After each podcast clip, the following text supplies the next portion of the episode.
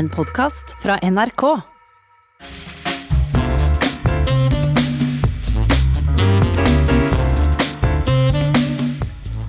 Så er det ei glede for meg å ønske deg, Sindre Finnes, velkommen her i Studio 62.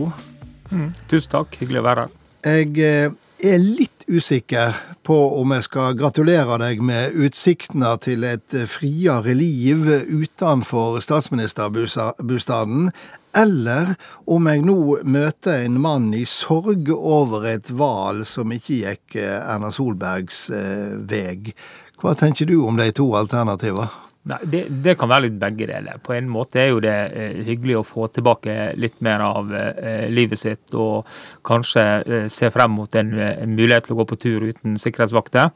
Og på den annen side, hvis du tenker på Norge, så tenker du kanskje at hadde vært bedre for Norge hvis Erna hadde fortsatt noen år til med å få orden på eh, eh, de tingene som skal ordnes i samfunnet, øke verdiskapinga, skape flere jobber. Så, så det er litt sånn begge deler for min del. Ja, for du ser på henne som et ordensmenneske. Ja da, det, det, ser jeg på. Og jeg tror jo den politikken hun har ført har vært utrolig god, både i pandemien og når oljeprisen falt. Og vi vet jo at det kommer nye utfordringer for norsk økonomi. Er du begynt pakkinga? Så vidt begynt pakkinga. Er det en svær jobb?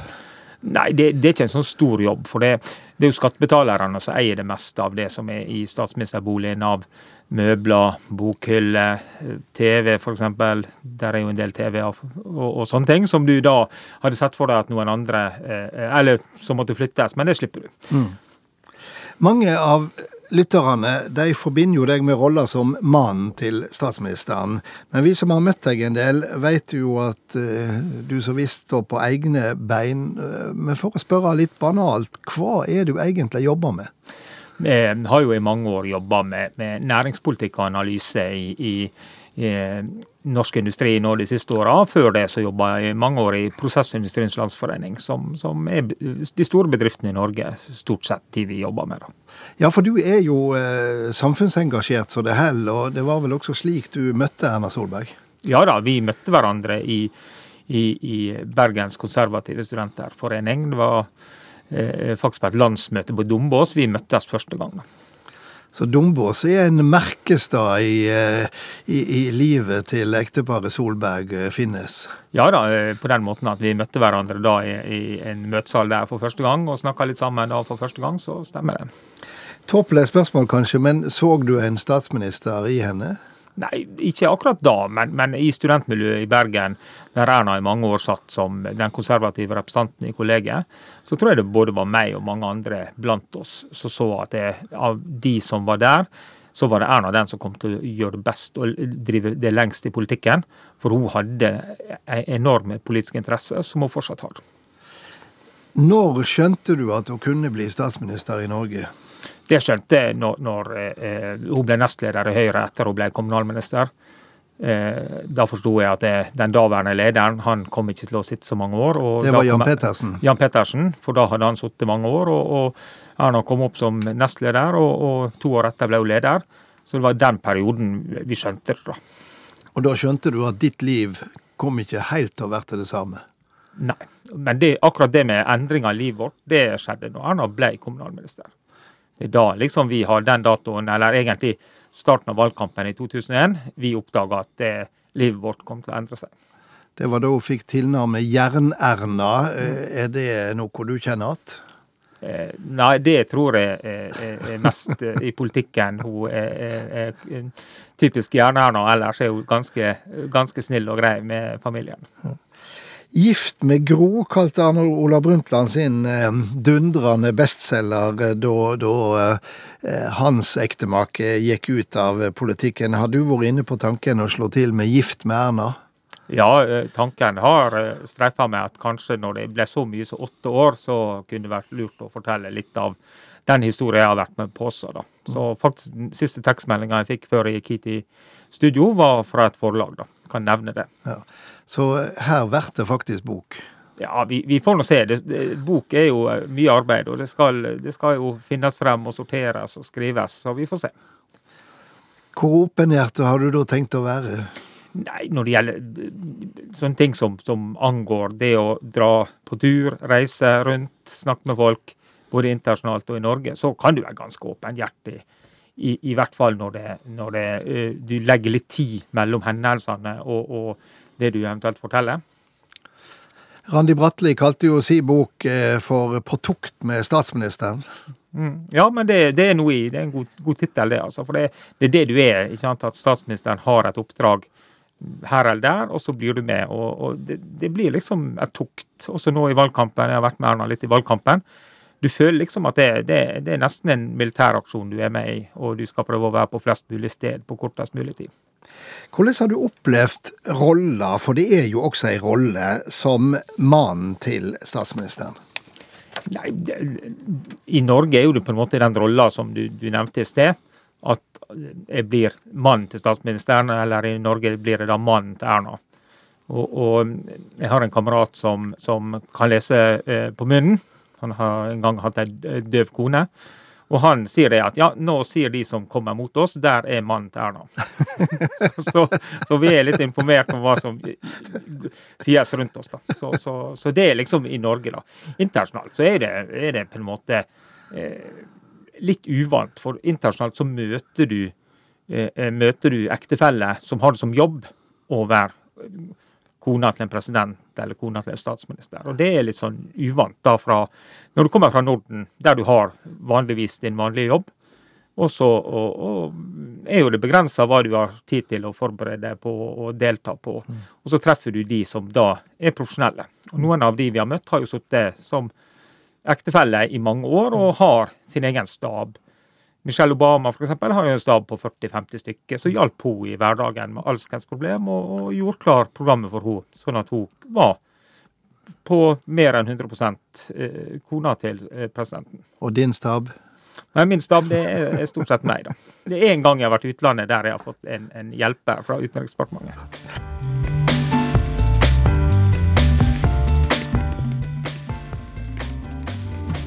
Det er bare sånn det er. Jeg er bare en mann.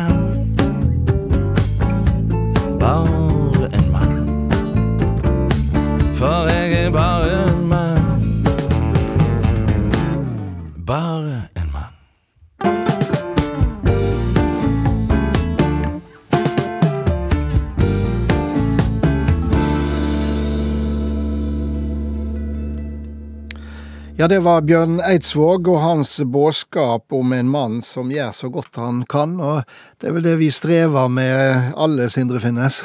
Det er det. det er vi prøver å gjøre så godt vi kan i alle mulige roller. På jobb og på hjemmebane, som foreldre osv. Ja, og du har uh, hatt ei veldig spesiell rolle de siste åtte åra. Du har også vært i statsministerens reisefølge. Uh, er det ei spesiell uh, og interessant oppgave? Ja, det er det. Det er utrolig gøy å være ute og, og eh, være bisitter til statsministeren når du er, er, ute på tur og får lov å oppleve det både i Norge og utlandet. Er det episoder du husker spesielt godt? Ja, masse, masse episoder jeg husker spesielt godt. og kan jo nevne det i 2015. Vi satt i Falun på tribuner med svenskekongen svenske statsministeren hadde solgt noe våpen til Saudi-Arabia og hadde avbud. Og vi satt der med norske kronprinsfamilien og svenskekongen, og stafetten bølga frem og tilbake. Det var utrolig fint minne å ta med seg. Vi gjorde det bra på første etappe, svenskene kom på, tilbake på andre, og vi utligna på tredje, og så var det finalen med Northug. Det var utrolig gøy, da. Ja. andre ting som du ja, det, det, det, er jo spesielt når du kommer til USA. Så blir du møtt av et vanvittig oppbud av sikkerhetsvakter i det øyeblikket du går av flyet. Mm. Det, er jo, det, er jo, en, det er en verden som vi ikke kjenner så godt til. Mm. og uh, Vi, vi tillot å, å, dra på ferie et år til Sri Lanka, som er et land som har vært mye plaga av borgerkrig og uroligheter.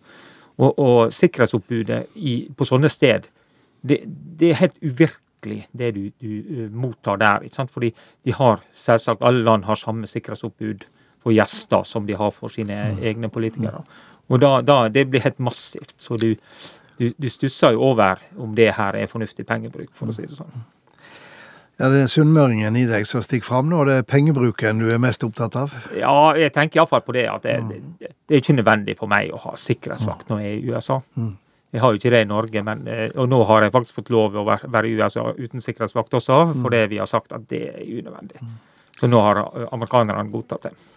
Mange av oss kjenner deg som en vaken observatør av samfunnet rundt deg, men har du måttet ha lagt mye bånd på deg i rolla som statsministerens ektefelle?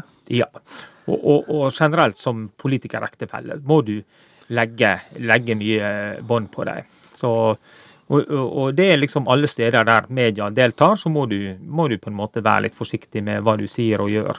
Og, og være eh, oppmerksom på det. Og jeg har jo hatt et par, par episoder der det, det, har på en måte eh, eh, ikke vært meg det har vært fokus om, men min kone som har fått fokus etter at jeg har gjort eller sagt noe jeg ikke burde gjøre. Ja, for det ble bråk da du midt i en valgkamp tvitra under en NRK-debatt at sitat, tror noen ansvarlig i NRK bør vurdere om Ingunn Solheim skal få permisjon i resten av valgkampen. Ja. Nei, for da var jeg utrolig irritert, og, og, har jo da lært meg at den type irritasjon må tas ut på samme, andre måter enn gjennom Twitter. Men det er jo litt flott å stå opp for kona si også, da? Ja da, det, det, det er det. Så, men du må jo stå opp for kona di andre steder. På en skala fra én til seks, hvor sint var Erna Solberg når hun kom hjem den kvelden? Nei, Hun var vel da noe av det sinteste hun har vært mens vi har vært sammen. ja, var det en sekser? Ja, det tror jeg var en sekser. var det etter det du slutta å tvitre spontant? Nei da, jeg tvitra jo litt, da, men, men, jeg har ikke hatt noe særlig Twitter om norsk politikk etter det. Den framifrå journalisten Hallgeir Opedal han skrev i et portrettintervju med deg i Aftenposten like før valget at han opplevde deg som mutt. Det var kanskje ikke tida for en frittalende Sindre Finnes midt i valgkampen? Nei, jeg tror ikke det var noen mulighet. Der, der tror jeg det, det mutt var en Da tror jeg jeg fikk beskjed om at det var godt levert.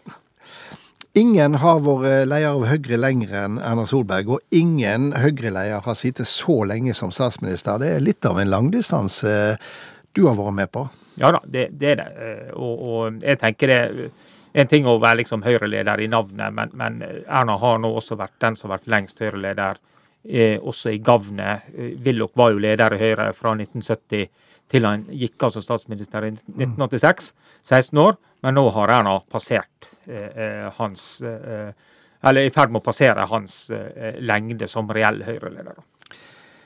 Og du er vel kanskje en av de få som eh, veit når Erna Solberg-epoken skal avsluttes? Ja, jeg tror ikke det er så mange andre, i hvert fall.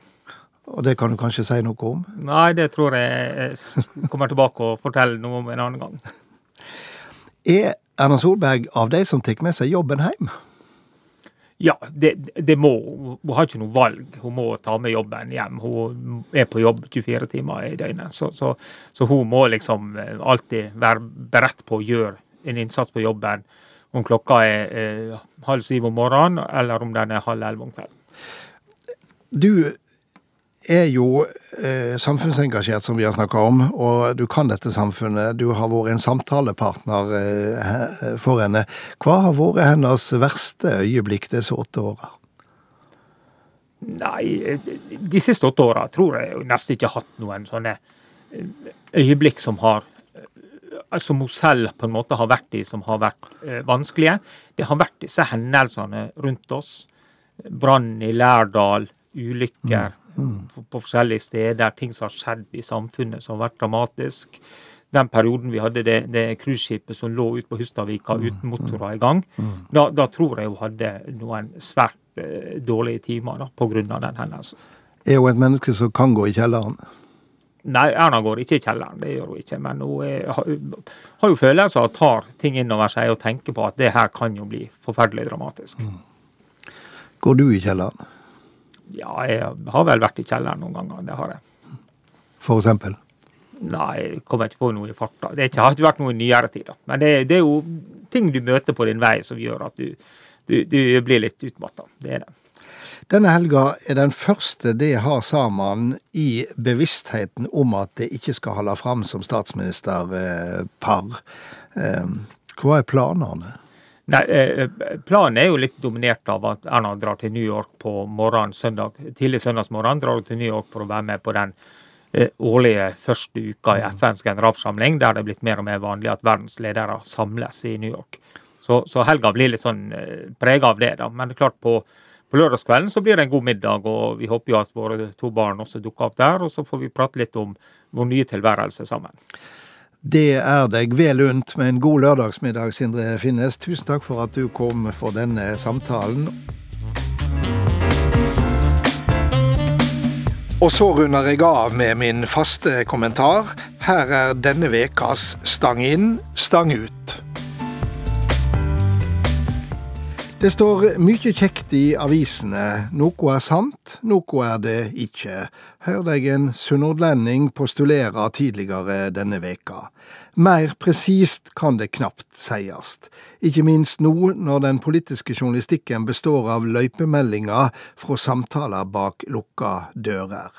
Vi journalister er nå en gang skrudd sammen slik at vi krever svar, også der svara ikke finst, eller der svara ligger gøymd i langdryge prosesser det vil ta tid å konkludere. For det er dette vi nå ser utspille seg etter mandagens stortingsvalg, der nå sigre og nederlag skal gjøres om til politikk. Vi har et styrka Senterparti som må kvittere ut for de velgerstrømningene som har gjort partiet større enn før. Vi har et SV som nok hadde vona på mer framgang, men som har fått nok til å opptre med sikkerhet. Og så sjølsagt Arbeiderpartiet, da, med et historisk sett dårlig valgresultat som de likevel finner gode grunner til å feire som en stor siger.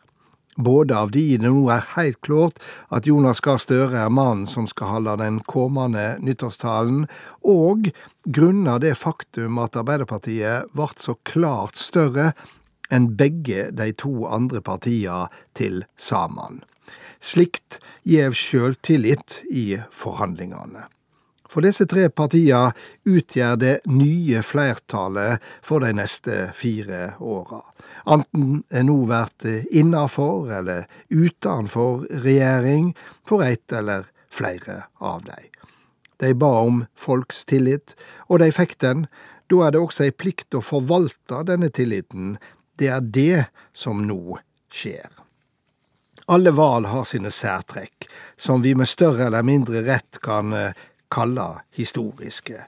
2021-valget er ikke noe unntak fra dette, også fordi at det har noen særtrekk som gjør det unikt.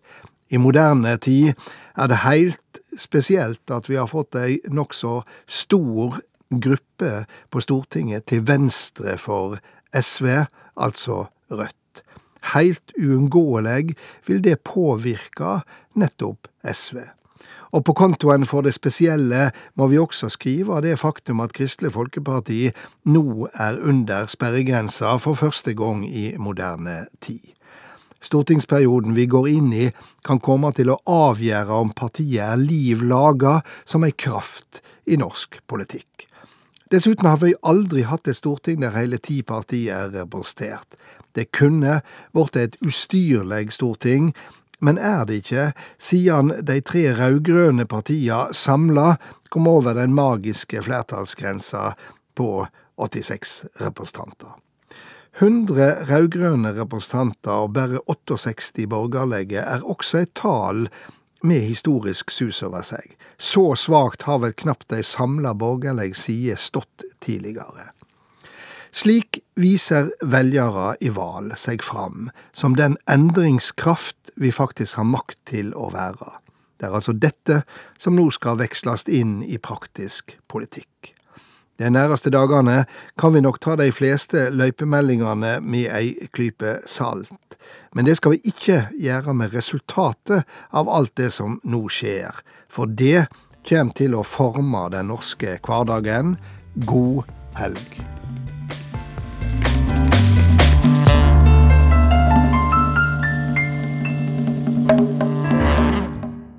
Du har hørt en podkast fra NRK. Hør flere podkaster og din NRK-kanal i appen NRK Radio.